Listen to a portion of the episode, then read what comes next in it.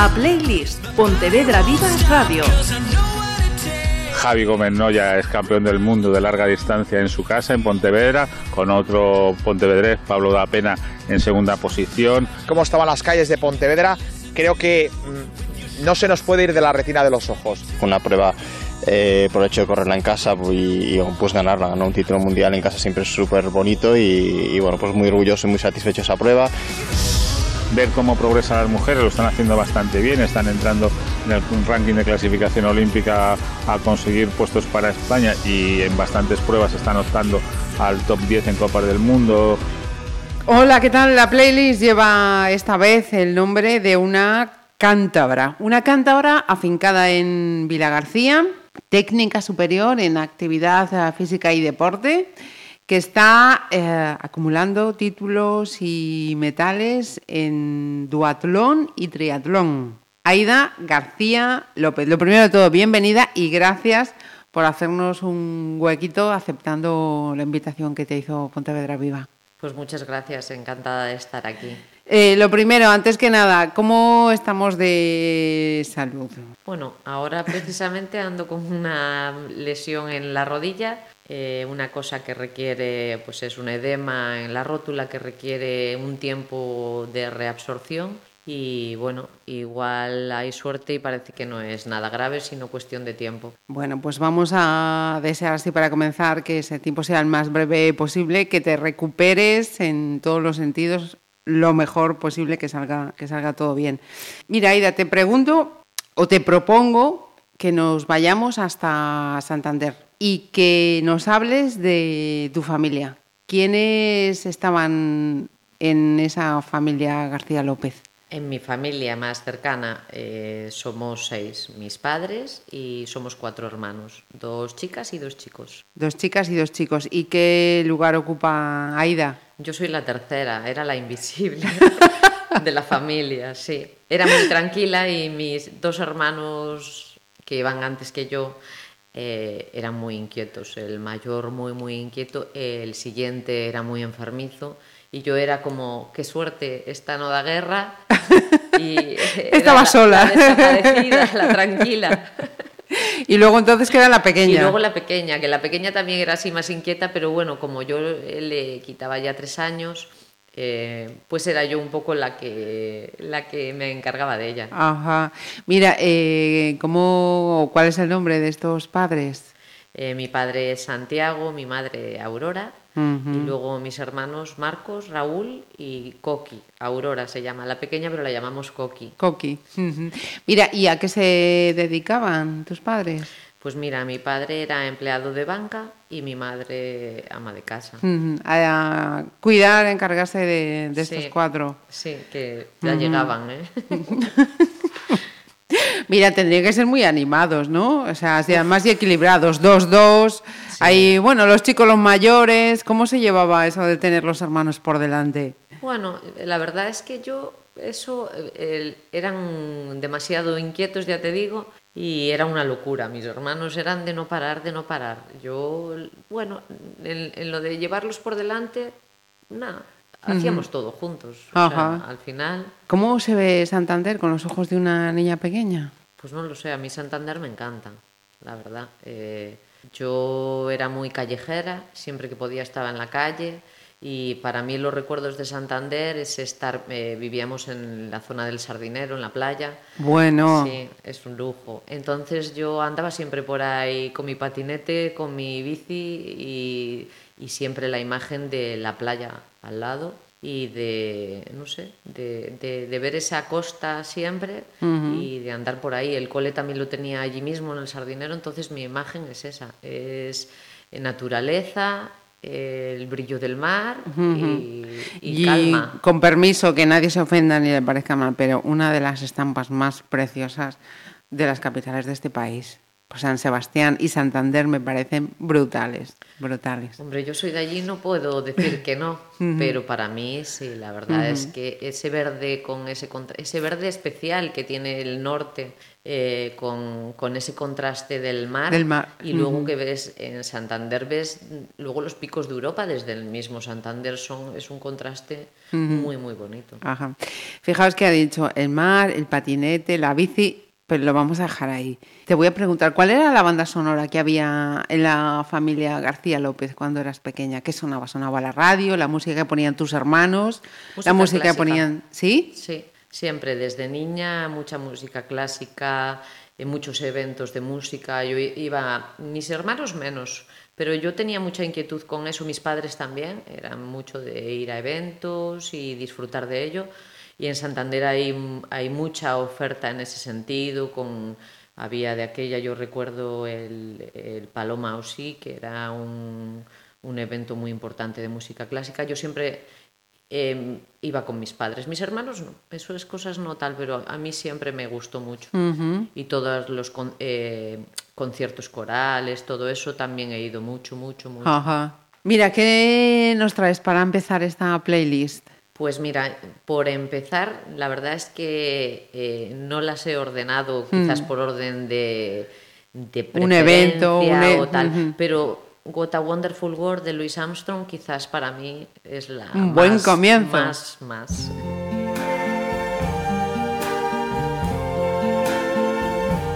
I see trees of green,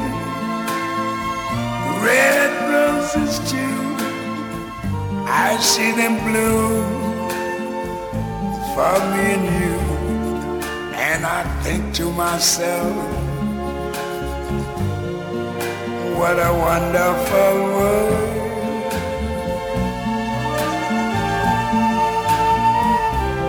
I see skies of blue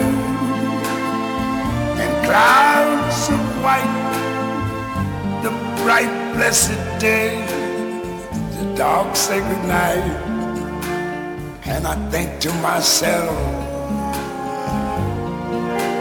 what a wonderful world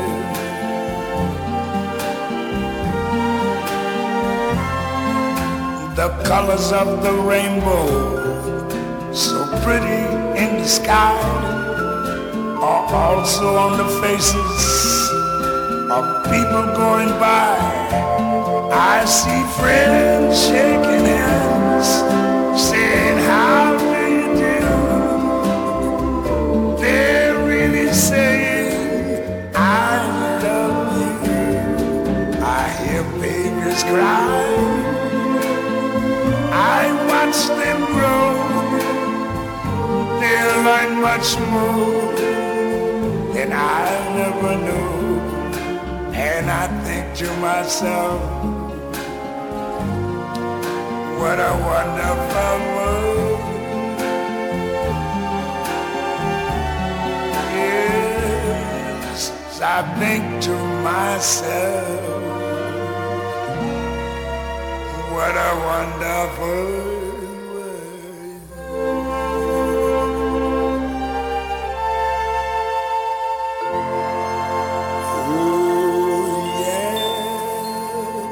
Lo que son las cosas. Resulta que conozco su colegio. Fijaos, oye, de, de, de la infancia, de esas excursiones Aquellas escolares. Una maravilla, la verdad. O sea, que fuimos las dos a, a Sagrado Corazón. Sí.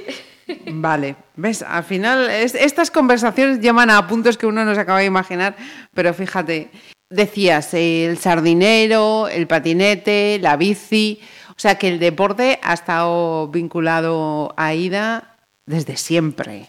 Sí, yo nací ya, yo creo que haciendo eh, inquieta con todo eso. No lo puedo llamar deporte porque al final es como que forma parte de ti. Actividad. Exacto, entonces yo nunca tampoco lo veo especialmente como una disciplina, como un deporte. Sí. Eh, como lo entiende quizás el resto de la gente. Me voy a dedicar a. O sea, yo no sé, yo ya andaba todo el día por ahí corriendo, patinete, echando carreras con los, los del patio de casa, esas cosas así, no sé. Claro, pero es que he visto que eh, has hecho o hacías eh, o haces balonmano, voleibol, atletismo, escalada, hockey y Quería preguntarte por el hockey, que lo practicabas con el sardinero. Sí, con el Sardinero Hockey Club. Cuéntame, Sí. ¿cómo comenzó esto y hasta cuándo duró? Empecé con, en el cole, ¿eh? en las esclavas. Eh, De aquella en los colegios, eh, pues el, el hockey en aquel entonces eh, te- pegaba mucho porque teníamos el Real Club de Tenis, que es un, equi- eh, un equipo muy importante de allí del- de la península de la Magdalena y luego también estaba el Sardinero para una capital como Santander, dos equipos muy fuertes a nivel nacional, pues eso quieras que no crea cantera. Y yo tuve la suerte que lo había en mi colegio, que aunque sea un colegio femenino, pues la verdad es que se practicaban, se daba mucha importancia al tema deportivo y artístico muchísimo, muchísimo. Entonces empecé en el cole con unos ocho años o algo así. Aunque había eso, ya te digo, probé el baloncesto, probé el vóley, eh, o sea, el balonmano. El baloncesto sí que hice y vóley hice, competí algo también a través del cole. ¿eh?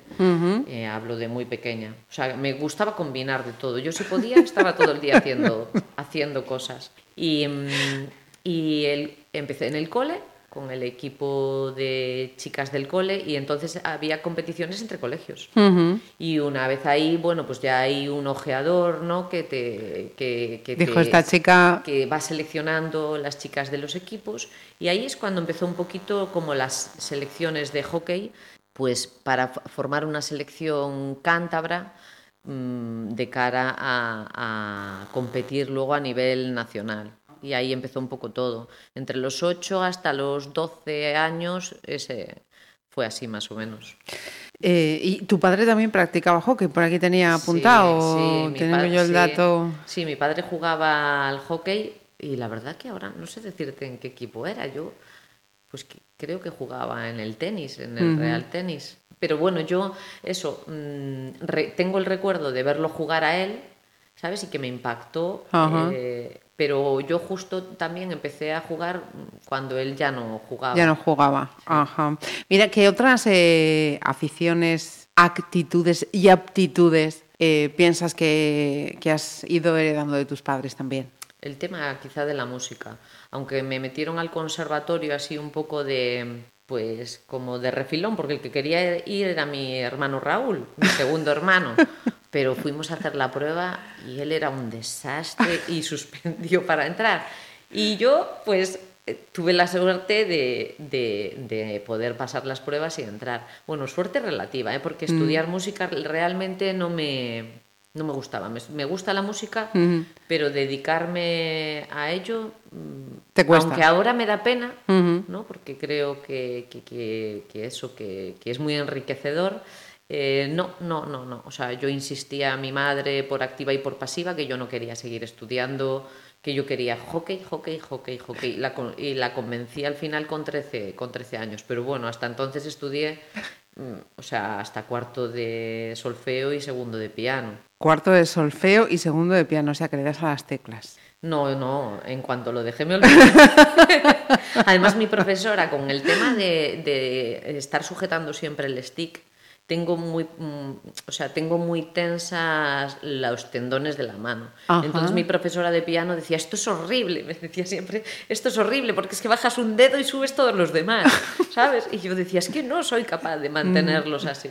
Hay, hay que trabajar mucho, mucho, mucho, mucho las manos y claro, yo estaba de apretar y golpear Sí, sí. continuamente el stick y entonces no era Claro, no, no era compatible, piano. no era compatible. Hablando de eso, esas eh, aptitudes, ¿qué más crees que has heredado de tus padres? Pues quizás sí, eh, eh, eh, más de mi padre que de mi madre, esa- ese gusto por la naturaleza y la actividad en general como, como modo de vida saludable. ¿Sabes? Mi padre es inquieto en ese sentido, pues eso, juega al golf, eh, a la edad que tiene va a caminar, o sea, esas cosas así de la naturaleza. La naturaleza se trasladó el gen a Aida y ahí, Sí, yo decía, ¿quién está. he salido yo? Porque soy la rara de la familia y tengo una familia muy amplia, de, en plan deportivo, ¿sabes? Yo a quién he salido, yo a quién he salido, yo a quién he salido yo. De niño no te das cuenta. De mayor me fui pronto de casa y entonces esa convivencia con mi padre no, no la tuve. Y ahora que mi padre me viene a ver a menudo y, y- y convivimos y nos hemos reencontrado como quien dice y nos Sí. estamos reconociendo de nuevo, son muchísimas cosas que digo, ya sé por fin de quién ¿De todas estas cosas. Sí, y esta forma de vida, de ser madrugadora, de ser activa, de, de eso, de disfrutar de un paseo y cosas, pues me doy cuenta que es de él. Vamos a seguir eh, hablando de, de ese tema, pero vamos a hacer otra paradita, nos vamos con otra selección para escuchar el qué. Pues mira, Skyful Stars de Coldplay.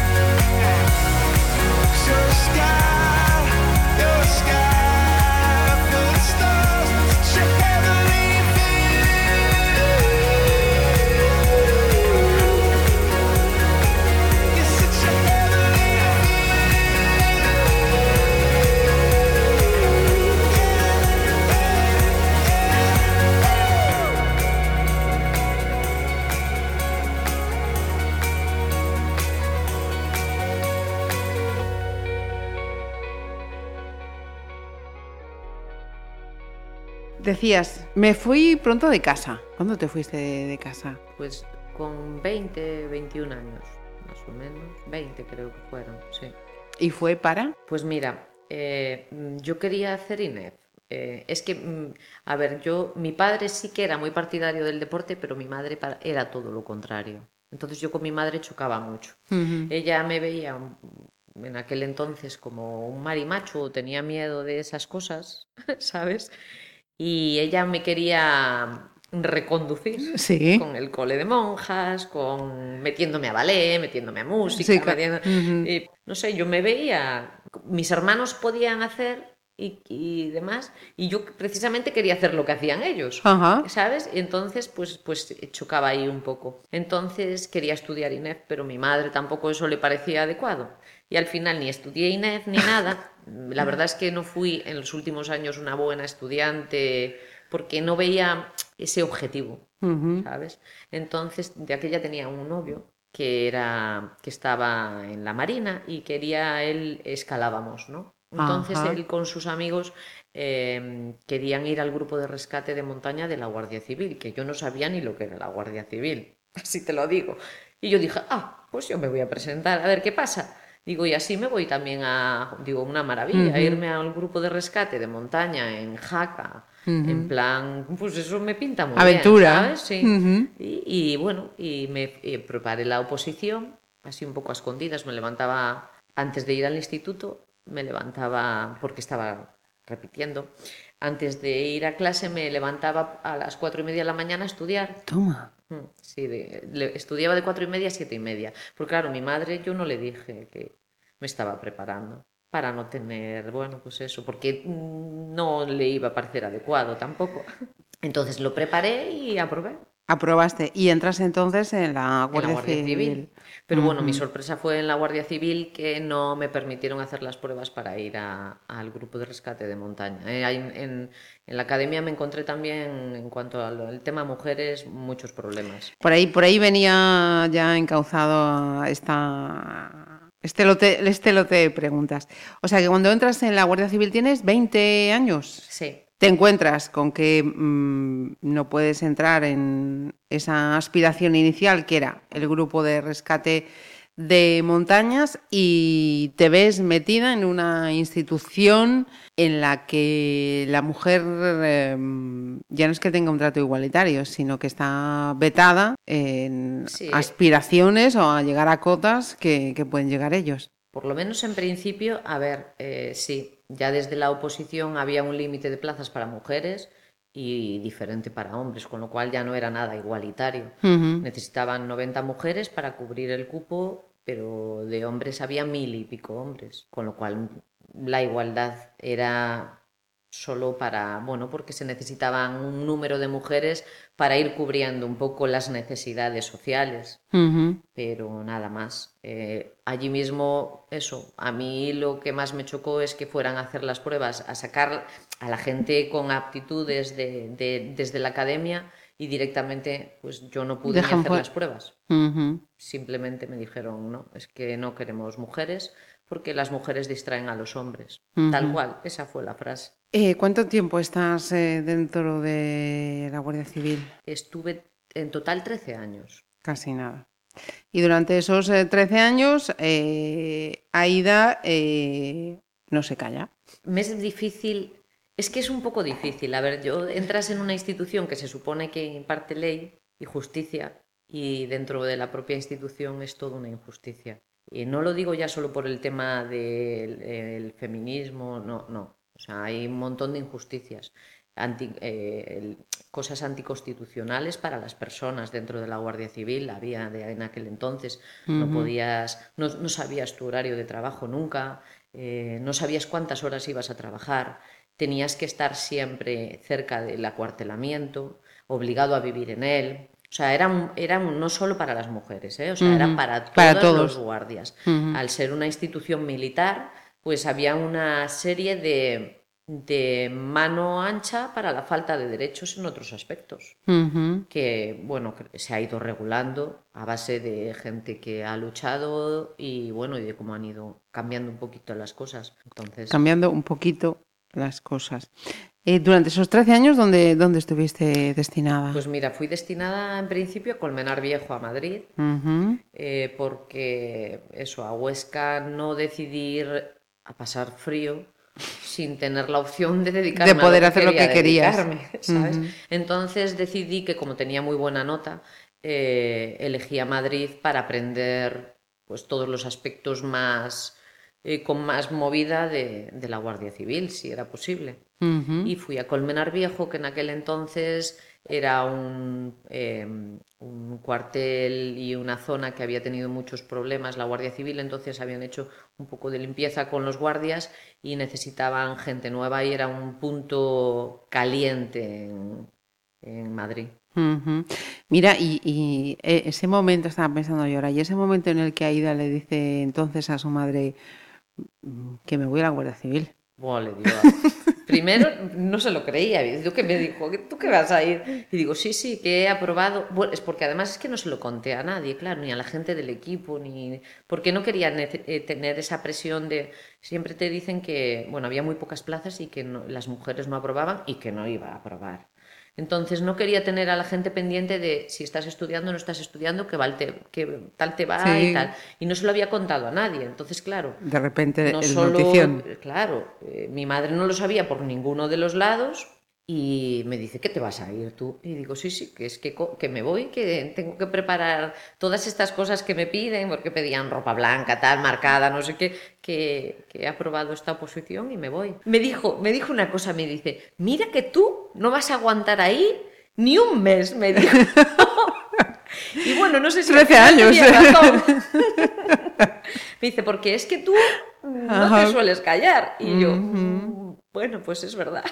Puede ser. Si hubiese una, una segunda ocasión, ¿harías todo lo que hiciste? Me refiero, mm, todo eso, como decía tu madre, es que tú no te callas, es que tú, esa rebelde con causa, ¿harías todo igual o dirías, Sí, Mm, sí, no, sí. no- yo creo que no lo podría cambiar porque es que yo no me siento rebelde. Todo lo contrario, yo me siento una persona bastante callada y respetuosa. Pero mm, que pasen por encima eh, de la gente mm, es algo que no puedo con ello. Pero ni de mí ni por encima de nadie. O sea, no lo sé.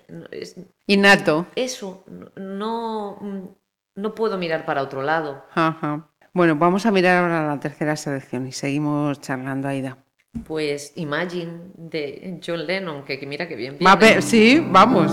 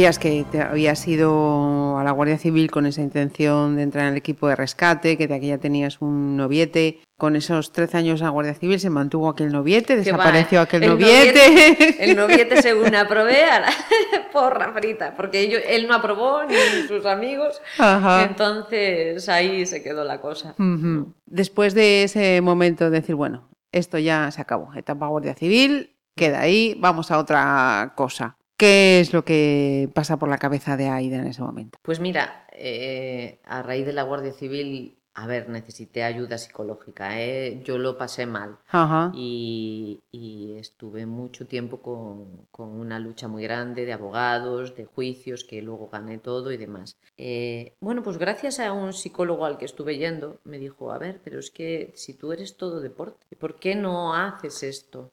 Fue por él, por el que, es que prácticamente obligada, ¿eh? me dijo, pero preséntate a, Sí, a sí. estas pruebas, aunque ya eres, tienes una edad y tal, a estas pruebas de, para entrar en TAFAD, eh, y yo le decía que no, que no, que no, que yo no soy capaz ahora mismo ni de estudiar, ni de pensar, ni de nada, de nada, ¿no? Y me dijo, no, no, preséntate a... Y fui, te lo digo, obligada por no ir a la siguiente consulta y decirle que no había ido a ese examen por él. Y eso se lo tengo que agradecer porque él lo veía y yo no lo veía. Ajá. Él veía que yo me tenía que dedicar al deporte. Y, y pasados entonces los 30, ah, vas a esa prueba Mm. y pasa como la Guardia Civil. Para mí, la Sí. consecución. Sí, sí, la verdad que muy bien. ¿Dónde Sí. la hiciste? Lo hice en Santander. Ahí ya tu Que madre ya aquella- devuelves a... Claro, yo ya tenía a mi hija, A mi primera hija. Vale, pues entonces vamos para atrás. Va- va- vamos Era mayor, atrás. ya, muy mayor. ¿Qué va? Por favor, no digas eso. Por favor, no Hombre, digas yo eso. decía, con 30 y, no sé, 30 años o no recuerdo cuántos tendría. eh, Yo que no he hecho nada que ser guardia civil, porque te da la sensación de que no has hecho nada que valga para la vida de de verdad. Vale, entonces, em, estando en la Guardia Civil, eh, te conviertes también en madre. Sí. Vale, ¿con qué años puedo preguntar? Uh, eh, fui madre con 25. Con Sí, 25. me casé con 24 y con 25 tuve a mi hija Paula. Fue un, un plus a mayores para poner todavía la cosa más complicadita. En la Guardia Civil muchísimo. Ahí tuve muchos, muchos problemas eh, con los permisos de lactancia, con los derechos de, bueno, la uniformidad en la mujer. La- eh, te utilizan para lo que necesitas, que son cosas puntuales eh, para registros en mujeres, pero al final eh, eh, sigue habiendo ese tema de que eres la chica de los recados, ¿sabes? Eh, es una situación, eso, complicada. Y entonces, embarazada, imagínate, todavía peor, era como, ¿qué hacemos con esta? Si lo único que hace es molestar y ahora eh, pide el permiso de lactancia y, y los propios compañeros les parecía mal. Ujú. Eh, es, es difícil. eh, de momento era...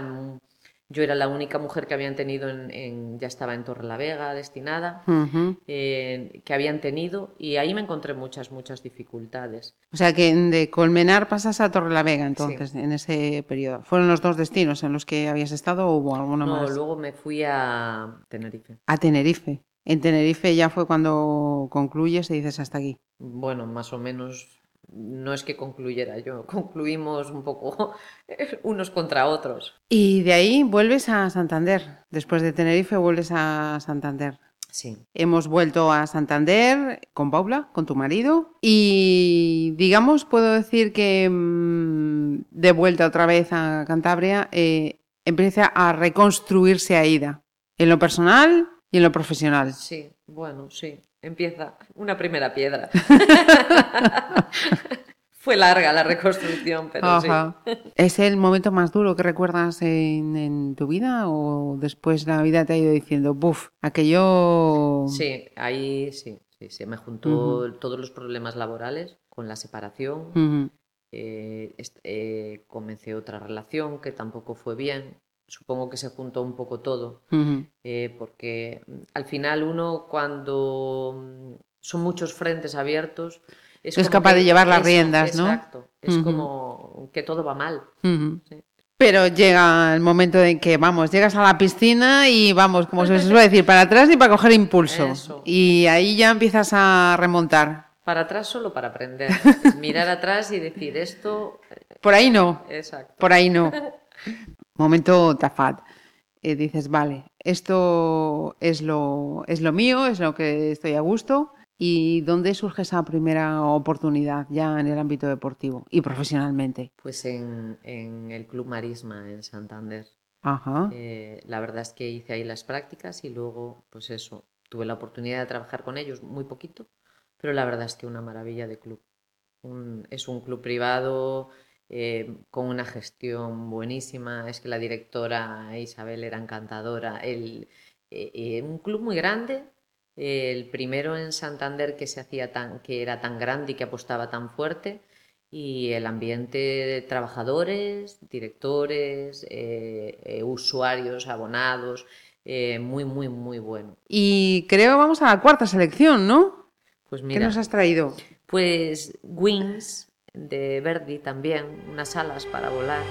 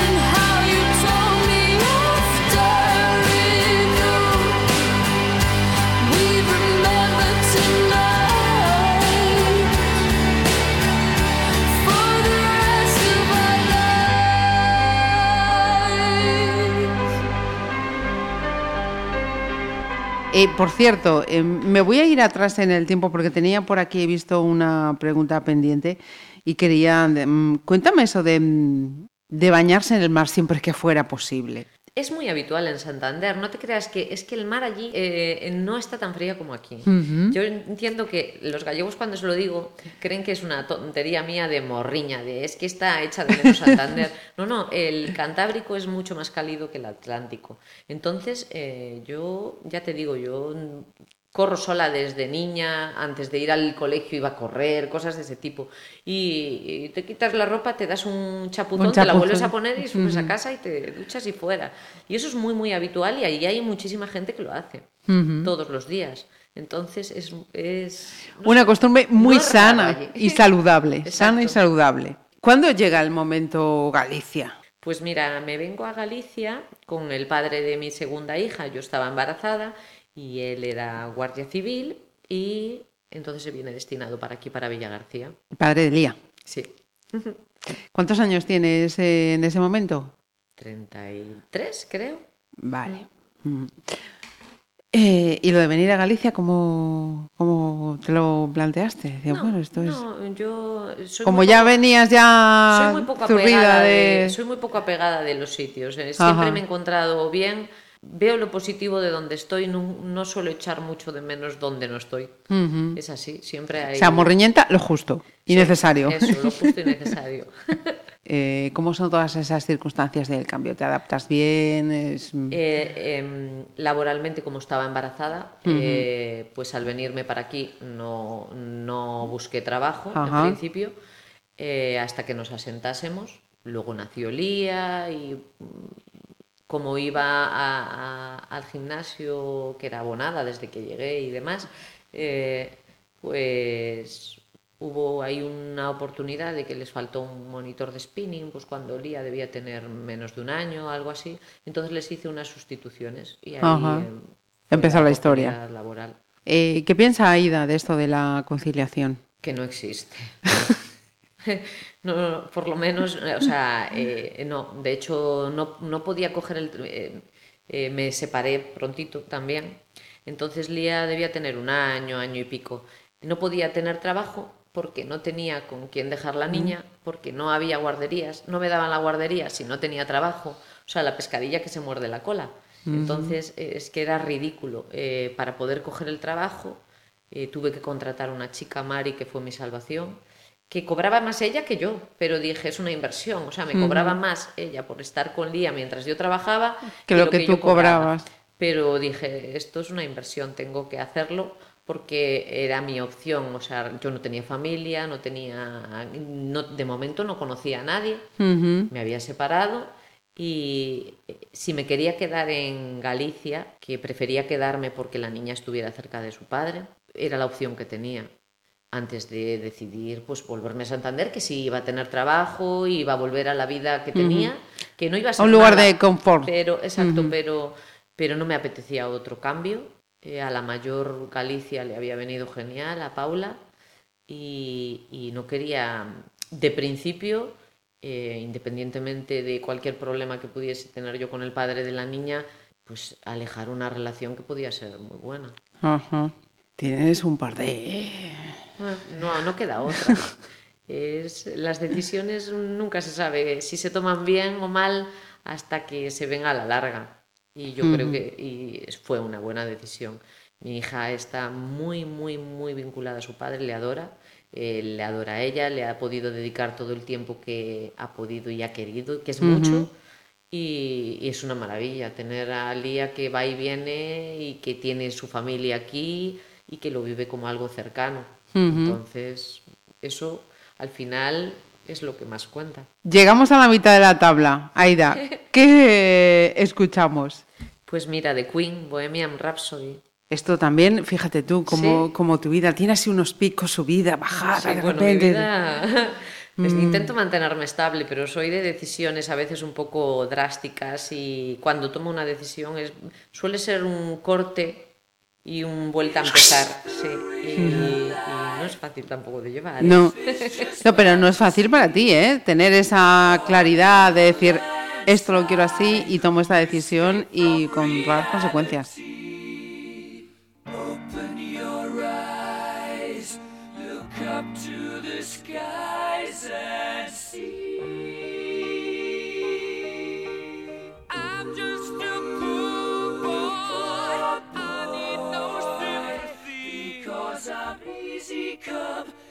easy go, little high, little low. Any way the wind blows doesn't really matter.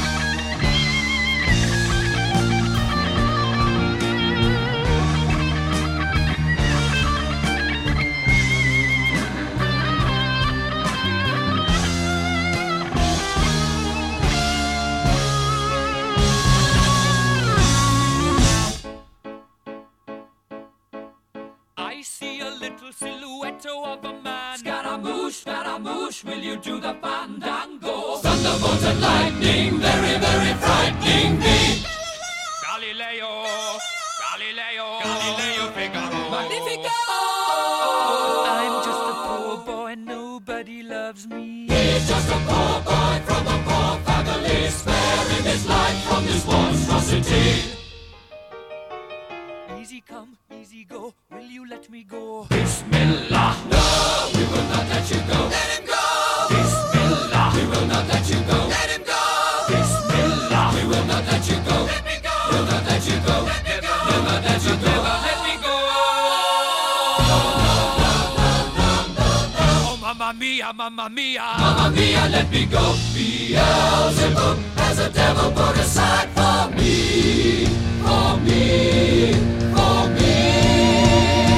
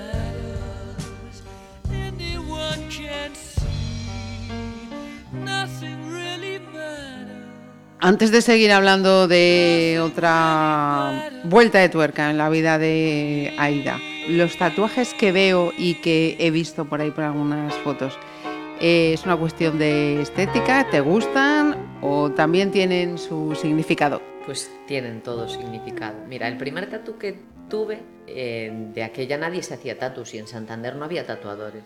Y bueno, pues era la tontería esa de que sí, los surfers y tal, eh, como viajaban y eh, se tatuaban entre ellos. ¿no? Ajá. Entonces yo siempre, ah, pues yo quiero un tatu, yo quiero un tatu. Y mi madre me decía, vamos, por encima de mi cadáver, ¿no?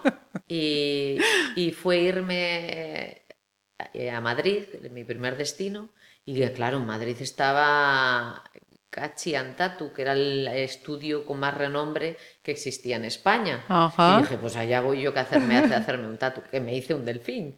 Pero bueno, Ajá. que de aquella eh, era como la leche. Sí, sí, sí. delfín, que luego yo me veía, el, bueno, me veía el delfín, estaba en la espalda y de- veía ese delfín y decía, anda, que qué tontería de tatuaje que me planté yo ahí, digo, menos mal que no lo veo. Y ese fue el primero, con, pues eso, mi primer destino, con 21 años. Eh, y luego no me hice así tatus, nada, ¿eh? Ah, uno en el pie, una que es una, una florecita, y en Santander, cuando volví. Eh, pero bueno, ya te digo, antes no se hacían de la manera que se hacen Sí, ahora. ahora. ¿no? Eh, y el caso es que yo me veía el delfín este de atrás y decía, anda, que esta tontería, que de un delfinito. Digo, no te pega nada, Ida, decía yo, ¿sabes? Y, y- y estando aquí ya, pues eh, yo creo que ha sido ya con 40 años, ya estaba todo muy de moda, ¿no? Y veía al padre de mi hija que se había hecho unos cuantos y yo decía, anda, que con 40 años andar a tatuarse hay que ser parvo, decía así, Sí. como en plan, hay que ser parvo, anda, que no habrá que-". Y he acabado yo que digo, tienes que tragarte tus palabras y medir, Aida, lo que piensas, porque la vida a veces... Te sorprende. Quería claro, quería eh, tapar ese, Ese delfín. delfín y no sabía con qué. Y de no saber con qué, a que me dice que tengo la mitad de la espalda tatuada prácticamente, de que dije, ah, no, bueno, pues yo me quiero tatuar el faro de Santander y esta imagen de Atlas y no sé qué. Cuando le llegué al tatuador para tapar ese delfín con todo aquello, me dice, pero no te hace falta tanto. Y digo, ya, pero ha ido Pero, surgiendo, ha ido surgiendo. Y bueno, pues son, lo que tengo en la espalda son cinco imágenes eh, diferentes, unidas de una manera así artística y demás, bueno, que tienen que, pues todo tiene significado, no son, no son Ajá. adornos, ¿sabes? Uno es el, el faro de, de la isla de Mauro, que se ve desde allí, desde, desde el Sardinero. Eh, eh, otro es Atlas, eh, Hércules aguantando la bola del mundo. Ajá. Eh, la dinámica, un boceto de la dinámica de Da Vinci. Sí, una galerna. eh, es un- Ajá. es, eh, yo mi- me llamaba antes viento de galerna en, el, en mi correo y esas cosas, Ujú. ¿sabes? Eh, porque es una tormenta muy típica de Cantabria. Lo que aquí llamamos viene temporal. o- sí. Ahora no, bueno, Allí ahora le llaman danas, ¿no? Ahora también lo de las danas, vienen Sí. las danas. Pues la galerna del norte Sí, de toda la exacto. vida. También tengo eso, una galerna y luego tengo una musa que se llama Esmeralda. ¿Y, y lo de las manitas? Ah, las manos. Esta, sí, esta es. Estas so- son más o menos recientes.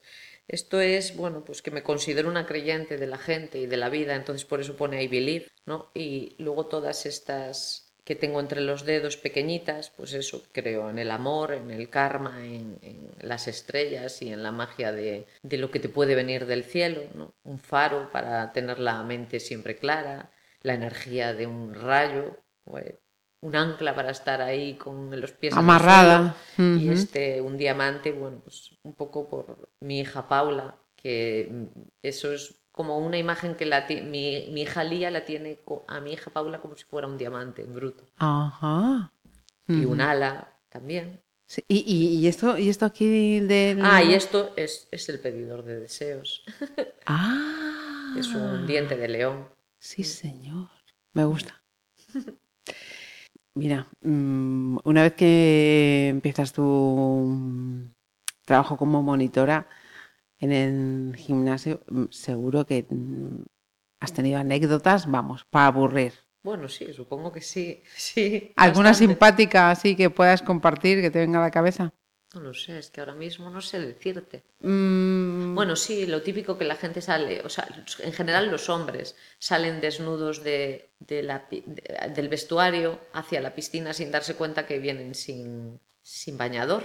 Lo mismo te vienen con el gorro y con las gafas puestos Y- ¿Qué me dices? Sí, porque sí, debe ser algo habitual. Los hombres andan más eh, en pelotas por el vestuario Sí. y no se dan cuenta de que entran a la piscina sin bañador. Eso sí que ha pasado varias veces, sí.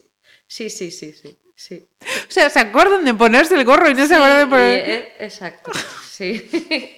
Eso es una es, es curioso y es en los hombres. Mi- Mira, eh, voy a borrar la imagen de la cabeza. Sí, es, hay veces que son imágenes porque la verdad es que mm, no por menospreciar a nadie, pero eh, o sea, siempre se le olvida Vámonos a 2015. ¿Qué es lo que te pasa por la cabeza para decir, venga, comienzo con esto del duatlón, triatlón, eh, exactamente sí, qué con fue? el triatlón porque no sabía ni que existía el duatlón. La verdad que yo hago así bastante deporte, pero soy muy desconoce- desconocedora en general de todo. No, no dedico tiempo a saber de los deportes y demás. Eh, pues iban a entrenar eh, en mi horario eh, los primeros triatletas que había en, en Villa García. Entonces siempre me decían, mira que a ti esto se te tiene que dar bien, Aida. Y yo decía, mira, a mí el triatlón me empieza cuando termino el trabajo y tengo que llegar a casa con las dos niñas, les Ajá. decía siempre, ¿sabes? Ellos sí me insistían ya desde hacía tiempo. Mira que se te tiene que dar bien. Digo, yo, yo creo, yo les decía, sí, yo creo que sí. Porque no soy buena en nada, pero, ¿sabes? O sea, en plan buena de destacar, pero se me dan bien todos los deportes. Todo lo que pruebo se me da medianamente bien. Y digo, entonces, si juntas tres medianamente bien, pues igual algo sale. Algo bueno sale, sí señor, ya lo creo. Y si digo olímpico de Vedra, Pues empecé, ¿Qué me dices? sí, la verdad que fui a mi primer triatlón con estos chicos de Villagarcía, que son del club Villagarcía de triatlón, que han formado un club eh, que está creciendo muchísimo, la verdad, y lo están haciendo muy bien. Y bueno, pues me estrené en mi primer triatlón, que era uno de los más difíciles, en Cedeira, con una bici eh, durísima, por lo visto, y demás. Y la verdad es que pues destaqué, me subí al podio y lo disfruté además, que dije yo, "Buah, si lo he hecho como una pro. Luego los demás no salieron igual así, ¿eh? Pero es que salió todo rodado, que fue Ujú. una impresión y una situación que lo viví impresionante, impresionante. Y claro, a raíz de hacer podio ahí, eh, el Olímpico de Vedra eh, se puso en contacto conmigo pues para, para ficharme y, y eso, y ya nada, creo que competí, nada, hice dos triatlones populares más así y luego ya sí, eh, participé en el campeonato gallego de, con el Vedra. Y, y ahí, Y ahí si no me equivoco, es donde te haces con también el... Creo que quedé sub- segunda sub- veterana, sí, y quedamos, mm, no sé si primeras por equipos o segundas, no, no, no recuerdo muy bien, porque para mí eh, eh, era mu- muy, despistada, de, o sea, a ver, no es que fuera despistada, estás tan em- embotada con, con tantas situaciones que se producen en la competición, tan, todo tanto nuevo para ti, son tres deportes que tienes que combinar, que no sé qué, que, que realmente la cabeza no te da para pensar en si de hecho no sabía que había hecho podio y no me subí al podio, o sea, yo me fui a duchar y me fui para mi casa y cosas de ese tipo, ¿sabes? O sea, no no no no, no tienes la, eh, la Ah, la cabeza, experiencia claro, de- ya has competido, ya se acabó, venga, vale. Ajá. O sea, demasiadas cosas en la cabeza como para saber Qué que- bueno. Ujú. Vamos a seguir hablando de esta disciplina y también de otras cositas que he visto yo por ahí. ¿Qué escuchamos antes, Aida? Pues mira, Phil de Robbie Williams.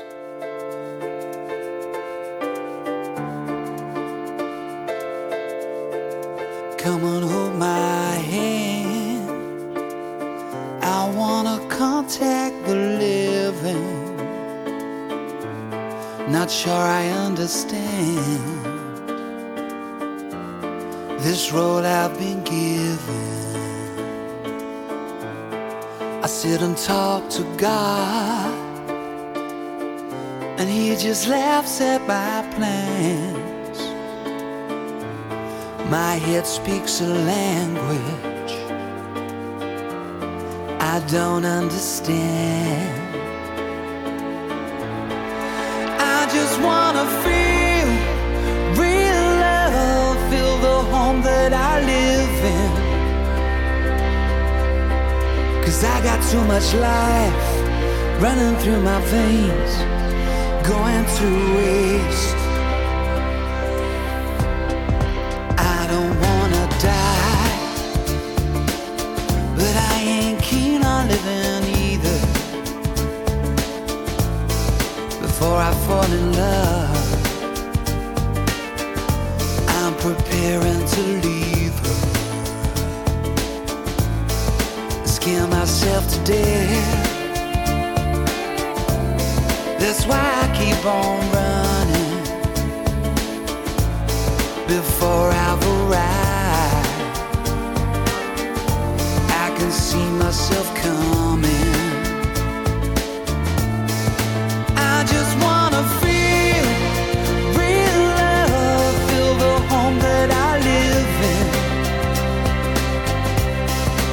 I got too much life running through my veins,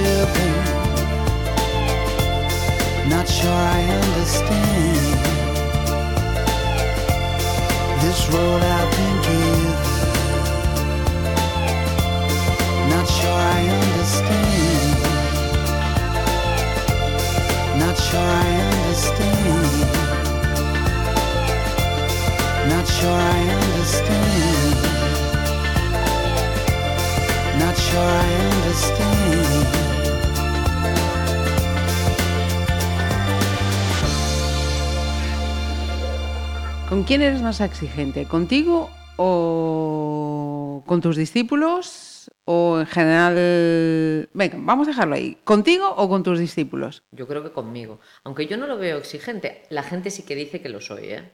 Yo mm, no veo que sea exigente, sino que es una forma de ser o, una forma de vida. Eh, yo siempre pienso que si eh, puedes ser mejor, ¿por qué vas a ser mediocre? Yo lo veo así.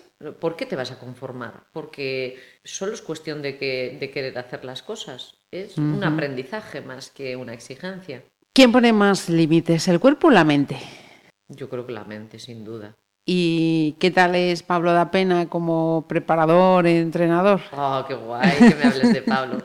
Eh, mira, eh, tampoco es que coincida mucho con él, estuve más tiempo con él cuando estaba en el Rías Baixas, pero mira, primero es encantador como persona. Ciertamente, lo tuvimos aquí en la Play y A llevas mí, toda la razón. Mira, yo lo primero que vi con Pablo, mm, que, que era una, luego se lo comenté a una compañera, que entramos juntas en el, en el equipo, ¿no? Eh, yo le decía, este es como bola de dragón, es como un dios, ¿sabes? Es eh, una fuerza muscular, una calma, una tranquilidad como persona, pero que transmite e irradia energía. ¿sabes? Cercanía. Eh, es que mm, eso, yo le veía, decía, este es Son Goku, es bola, es bola de dragón, ¿sabes? Con el pelo como lo lleva él, que mola así todo, Sí, ¿sabes? sí. Eh, eh, pues yo lo veía así. Y lo veo así, de hecho, para mí yo lo veo como un dios a Pablo. Es de esas personas que están ahí que no, otros igual no sé cómo lo ven, pero para mí es así. Ajá. Transmite eso. He visto que cuidas mucho tu alimentación. Mm. ¿Comes de todo? ¿Te prohíbes muchas cosas? No siento que me prohíba nada, la verdad. Eh, yo tenía muchos problemas digestivos desde niña y no me daban con el problema. Eh, yo siempre dije que era un problema de la digestión de la carne y fue que desde los 15 años dejé de tomar carne y, y bueno, y ahí cuidando mucho la alimentación para saber el qué era lo que me producía el, pro- el problema. Y ahí fui, pues vas quitando, vas quitando, te vas informando. Eh, de niño comes eh, lo que te, Lo que te echen, dan. claro, que si eh, donuts, donuts, que si no, no sé qué. Y entonces ahí vas diciendo, ah, es que esto no me sienta bien por aquí, es que esto quita de aquí, quita de aquí, quita de allí. Y bueno, pues un poco buscando el bienestar y la salud. Séptima selección. ¿Qué toca escuchar? Pues This is War de 30 Seconds to Mars. Mira, esto lo voy a descubrir yo, que es...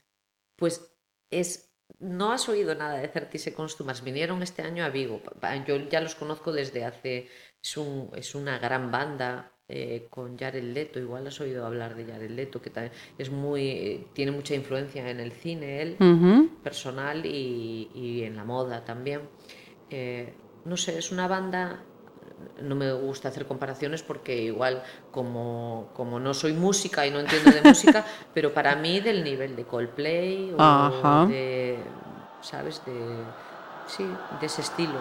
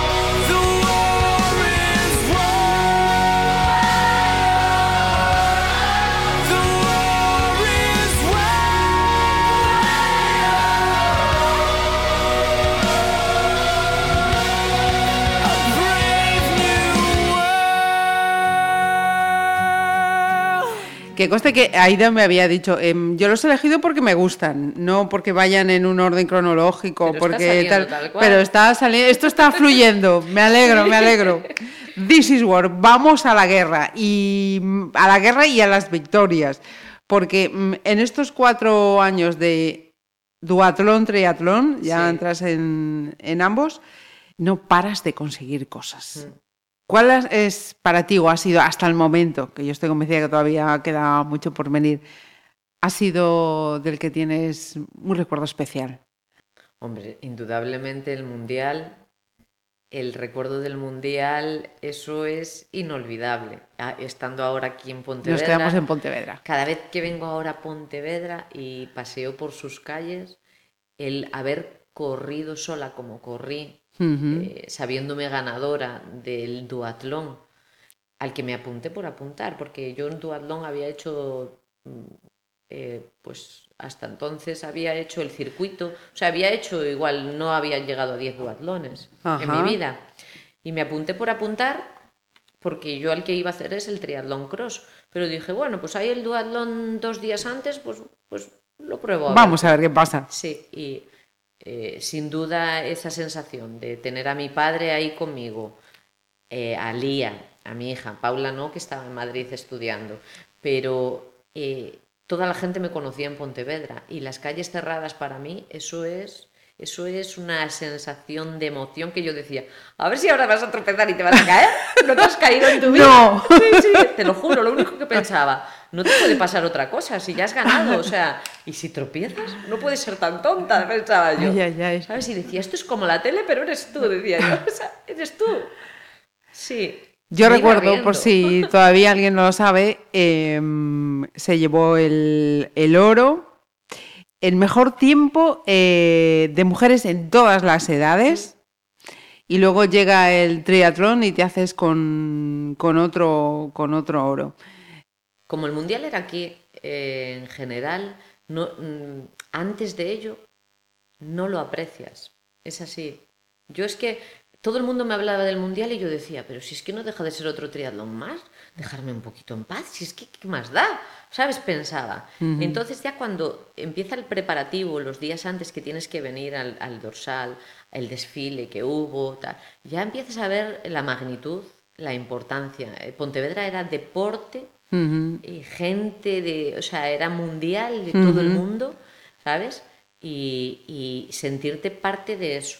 Y luego ganando parte importante, porque claro, eh, al ser la primera mujer de todas las mujeres, o sea, la gente lo sabía y me paraba por la calle, ¿sabes? Y yo decía, "Oh, es- que soy... ¿Saben quién soy? Mi hija, Lía, que no quería venir a verme. Y le dije, tú vas obligada porque lo que vas a vivir es algo que no te puedes perder, ¿sabes? Y ella, porque no tenía el concepto de qué es esto, ¿sabes? Sí, la, Y- y- la magnitud, como Y luego tú. ya lo veía y decía, mamá, pero es que te conocen todos y se quieren hacer fotos contigo. Y, y luego y vivirlo con mi padre. eh, la verdad es que eso ha sido un regalo, un regalo de vida. Para mí ha sido un regalo de vida.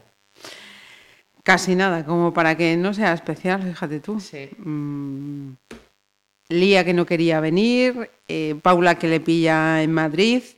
¿Qué te dicen en este momento después de ver que su madre está llegando a donde está llegando? ¿Cómo lo viven? No, mis hijas lo viven como algo mm, sin importancia y normal. Eh, lo viven un poco más importante porque sus amigos siempre les empiezan a preguntar por, le empiezan a preguntar por mí y como es que tu madre es, tu madre es, tu madre es, entonces ahí lo empiezan a ver porque como los demás lo ven de otra manera. ¿sabes? Pero yo para ellas, mm, ¿sabes? No, o, mm, eso, soy una madre normal, bueno, normal no. Siempre me dicen que no soy una madre normal, que porque no hago cosas de madres normales. Eso es cierto. Pero quiero decir, ellas lo ven con normalidad. Eh, lo que yo hago siempre me han visto sin parar. Entonces no. Y han heredado ese gen deportista, ¿no? Ninguna, ninguna de las dos. Cero Ajá. patatero. O sea, no hacen deporte, ni quieren hacer deporte. Yo siempre he sido muy respetuosa. O sea, yo les he inculcado la salud y el deporte desde niñas, pero no quería eh, forzarles a nada. Yo viví de niña lo contrario, yo quería hacer deporte Claro, y, y no te me decían dejaban, que no. ¿Sabes? Y, y yo creo que eso tiene que salir eh, de uno, cuando Ajá. uno lo pide, cuando uno tiene esas Esa necesidad. inquietudes. Y yo eh, siempre he estado abierta que ellas me pidieran hacer algo, les he ido a enseñar, ¿y por qué no haces? ¿Y por qué no no sé cuál? Pero nunca les he obligado. Ajá. Entonces, son eh, la mayor le gusta bailar, eh, entonces sí que baila y es buena bailando, pero bueno, lo lleva un poco a su manera. Ajá. Y la pequeña, de momento, baila algo, ha ido algo a la piscina, pero no, no, no tiene ninguna inquietud especial deportiva tampoco. Octava selección, Aida. A ver si descubro también algo nuevo aquí o no. A ver. Pues Brown Eye Girl de Van Morrison. Vale.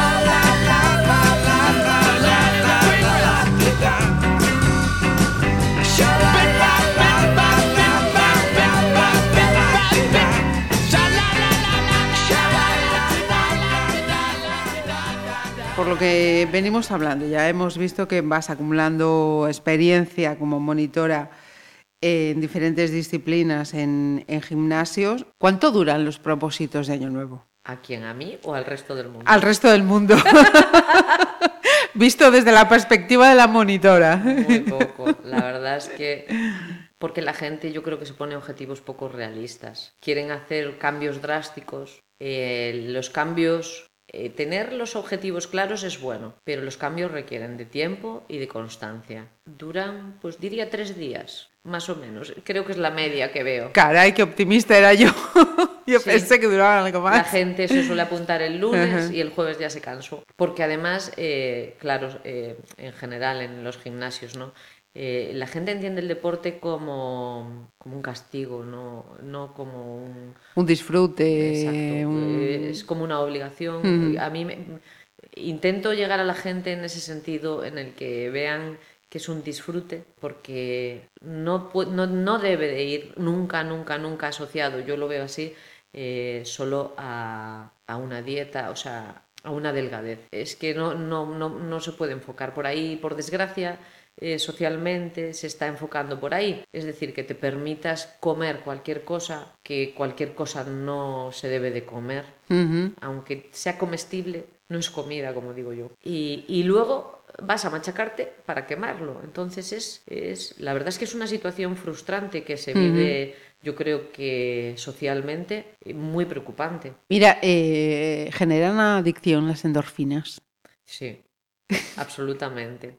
Yo ahora que estoy con la lesión y demás, me, soy, soy, estoy siendo demasiado consciente de que debido a estar lesionada, no solo tengo parado mi trabajo, sino mi modo de vida. Y es muy, muy, muy, muy duro, muy duro. O sea, eh, a mí me falta todo.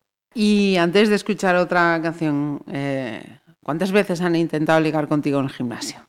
Pues hombre, la verdad es que no te creas. No, no, no, no, no, no, no.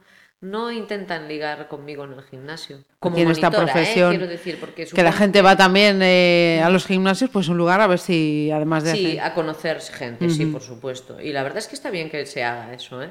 Porque conoces gente que está, eh, que, que al fin y al cabo comparte lo, lo mismo que tú. Y, o sea, es un buen sitio para, para Conocer. conocerse y, y ligar y demás. Lo veo bien. Yo por lo menos lo prefiero que a un bar de copas, ¿qué quieres que te diga? Yo.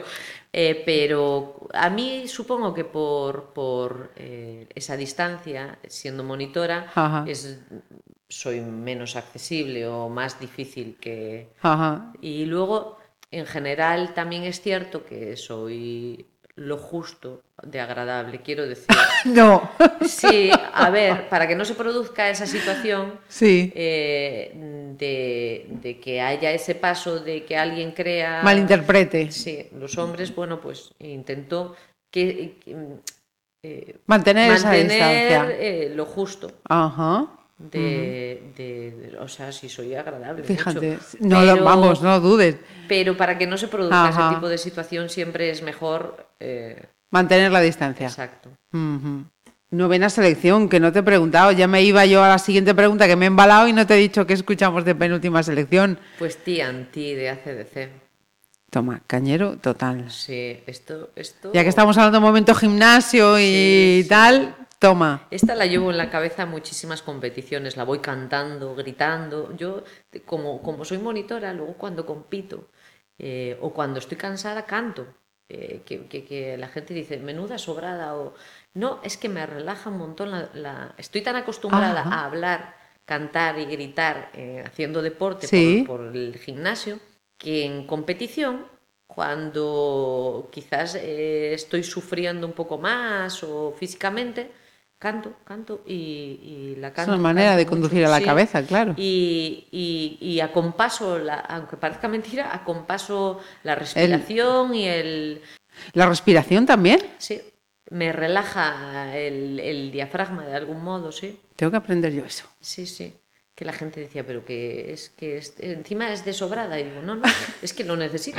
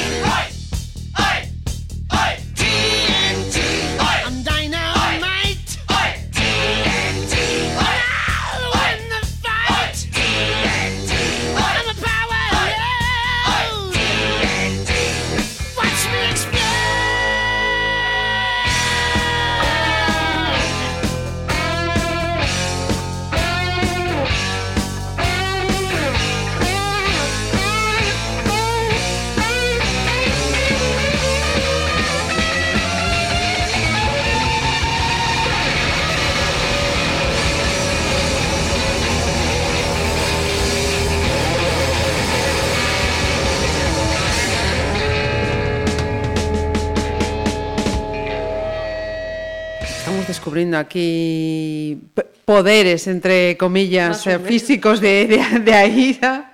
Porque decía eso, que en, en momentos álgidos eh, de cuando ella está haciendo ejercicio al margen de, de sus clases, pues se puede permitir licencias en que otros humanos no, no llegamos, pues silbar, eh, cantar, etcétera. Pero claro, es debido a esa praxis de- del ejercicio de su profesión. Mientras da la clase, está dando órdenes, está tal, tal, tal. Y eso pues le, le ayuda luego cuando, cuando compite.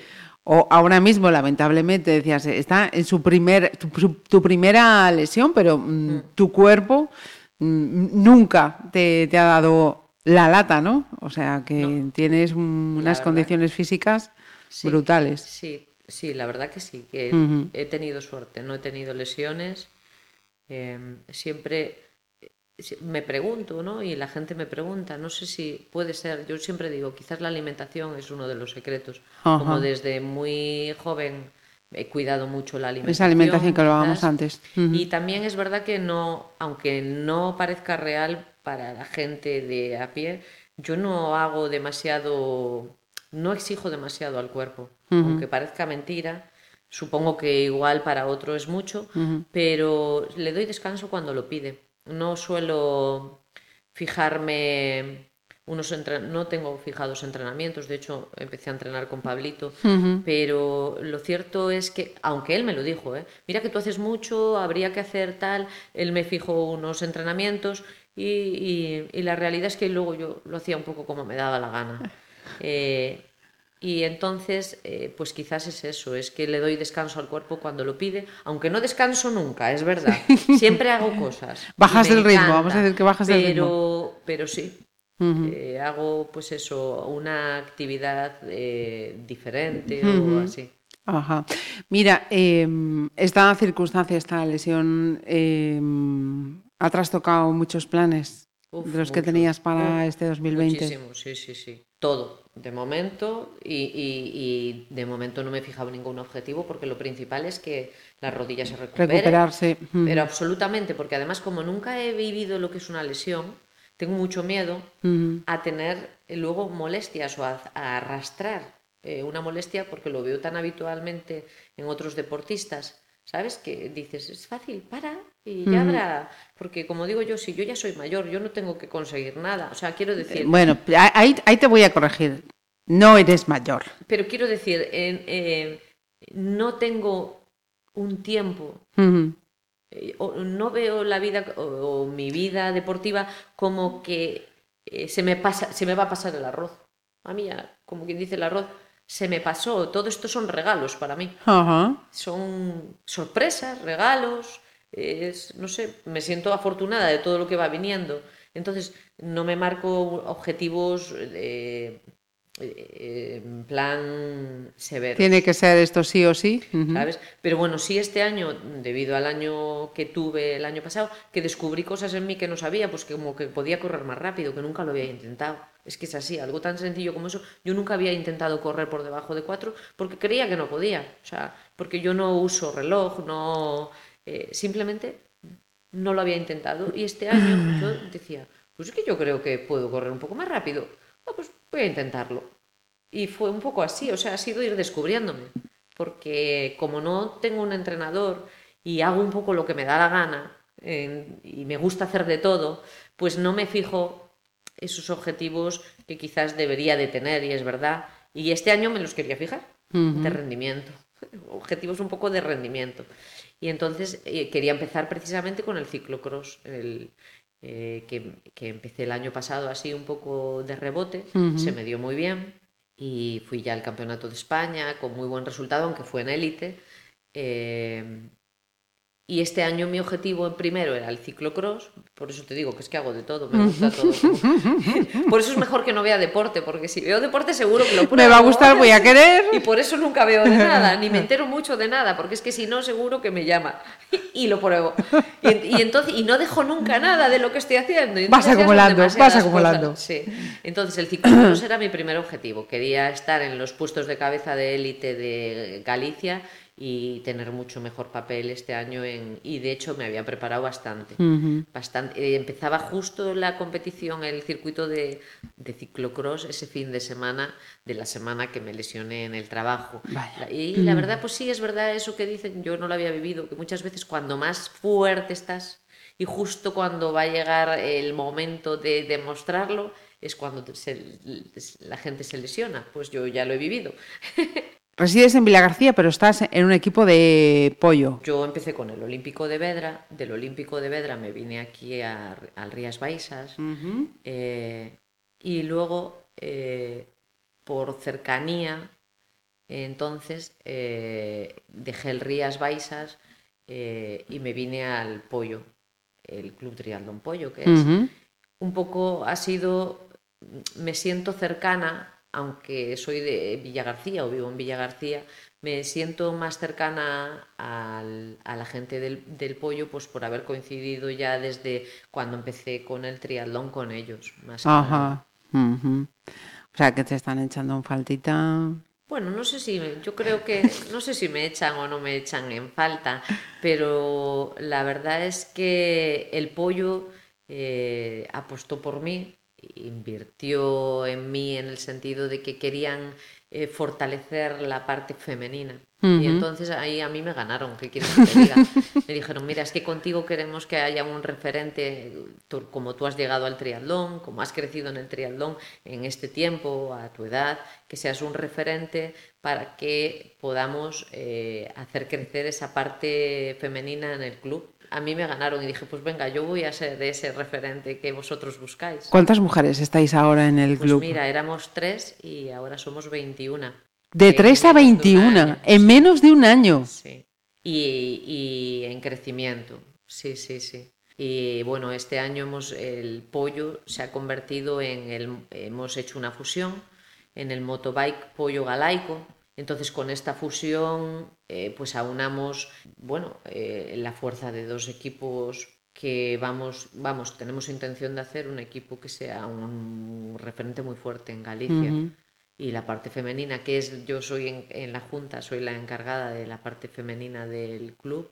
Bueno, pues eh, a dar los primeros pasos. Este año competiremos en tercera división en España con la intención de, de poder subir a segunda y, y bueno, y, y eso, y crecer en, en el triatlón, pero a nivel ya nacional. En la parte femenina, en la masculina, eh, bueno, pues también entran este año, eh, ya están en tercera, que el año pasado ya conseguimos eso. Y, y, bueno, pues a ir eh, eso poco a poco, eh, aunando esfuerzos y capacidades para eh, hacer crecer el club. Yo estoy encantada en el pollo, la verdad.